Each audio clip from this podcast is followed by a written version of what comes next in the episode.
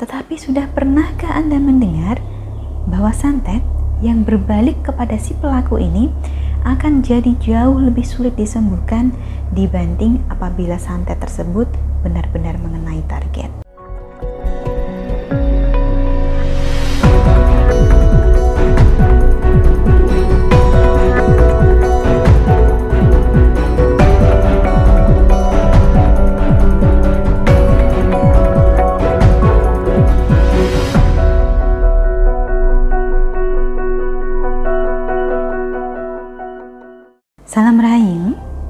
Lagi dengan saya Dewi Sundari. Apa kabar Anda hari ini? Saya doakan semoga selalu sehat dan senantiasa diberikan kemudahan dan kelancaran di mana pun Anda berada. Bahasan kita kali ini kaitannya adalah seputar santet. Seperti yang mungkin sudah Anda ketahui, saya tidak ada layanan santet, hanya melayani penyembuhan santet. Jadi apa yang akan saya sampaikan berikut harap disimak sebagai sebuah wawasan saja sebagai suatu pertimbangan sekaligus pelajaran tersendiri bagi kita bersama. Praktek santet kadang disebut dengan istilah membunuh tanpa menyentuh. Yang dianggap santet sendiri adalah sebuah upaya dari seseorang untuk mencelakai orang lain dari jarak jauh dengan menggunakan ilmu hitam. Dalam video ini sendiri, istilah santet saya pergunakan karena merupakan istilah yang paling familiar, paling umum diketahui, dibandingkan dengan istilah tenung ataupun teluh. Meskipun dalam konteks yang akan saya sampaikan ini, istilah santet akan mewakili segala bentuk penyalahgunaan ilmu hitam. Anda mungkin sudah pernah dengar bahwa serangan ilmu hitam, termasuk santet, bisa berbalik kepada pengirimnya.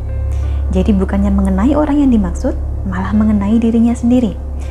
Tetapi sudah pernahkah Anda mendengar bahwa santet yang berbalik kepada si pelaku ini akan jadi jauh lebih sulit disembuhkan dibanding apabila santet tersebut benar-benar mengenai target.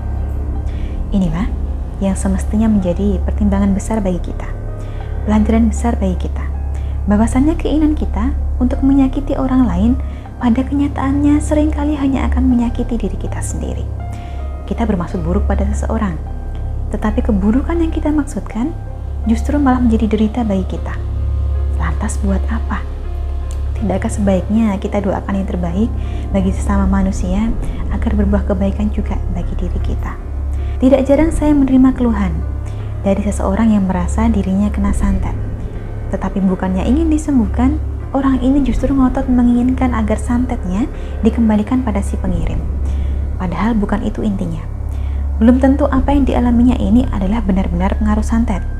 Dan kalaupun benar santet, jika berada pada situasi semacam ini, mestinya kita fokus untuk menyembuhkan diri kita, bukan malah membalas dendam.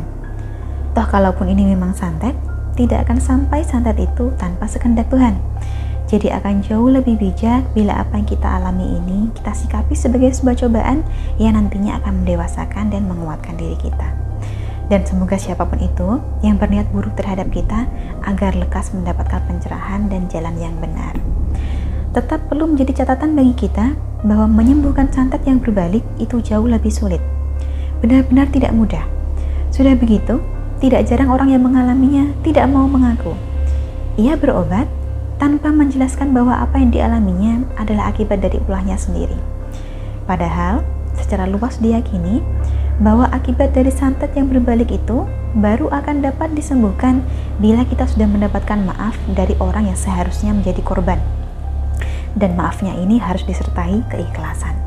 Inilah yang juga saya harapkan untuk bisa menjadi pelajaran, sekaligus pertimbangan. Jangan sekali-kali kita memutuskan main menyan hanya karena sakit hati sesaat. Salah-salah, bila niat buruk Anda berbalik pada diri Anda sendiri, dampaknya akan berlipat puluhan kali. Di sinilah pentingnya keikhlasan, pentingnya memaafkan, bukan sekedar demi kebaikan orang yang kita maafkan saja, tetapi demi kebaikan diri kita sendiri juga. Sebab bila kita mampu memaafkan orang lain, akan jauh pikiran kita dari keinginan untuk menyalahgunakan ilmu hitam.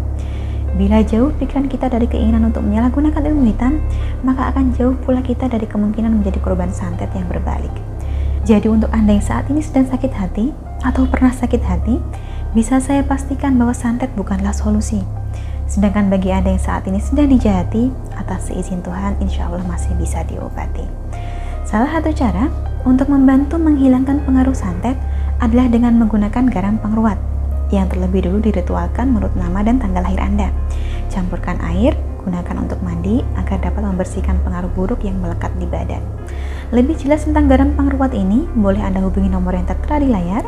Perkenalkan diri Anda, sampaikan keinginan Anda untuk menggunakan garam pengruat agar dapat kami bantu untuk tata cara selanjutnya. Akhir kata, untuk Anda di mana pun berada, saya doakan semoga senantiasa diberikan kesehatan, keselamatan, dan juga perlindungan. Semoga senantiasa dihindarkan dari niat buruk siapa pun. Dari saya cukup sekian. Terima kasih banyak telah menyaksikan. Sampai jumpa di kesempatan selanjutnya dan salam berhayu.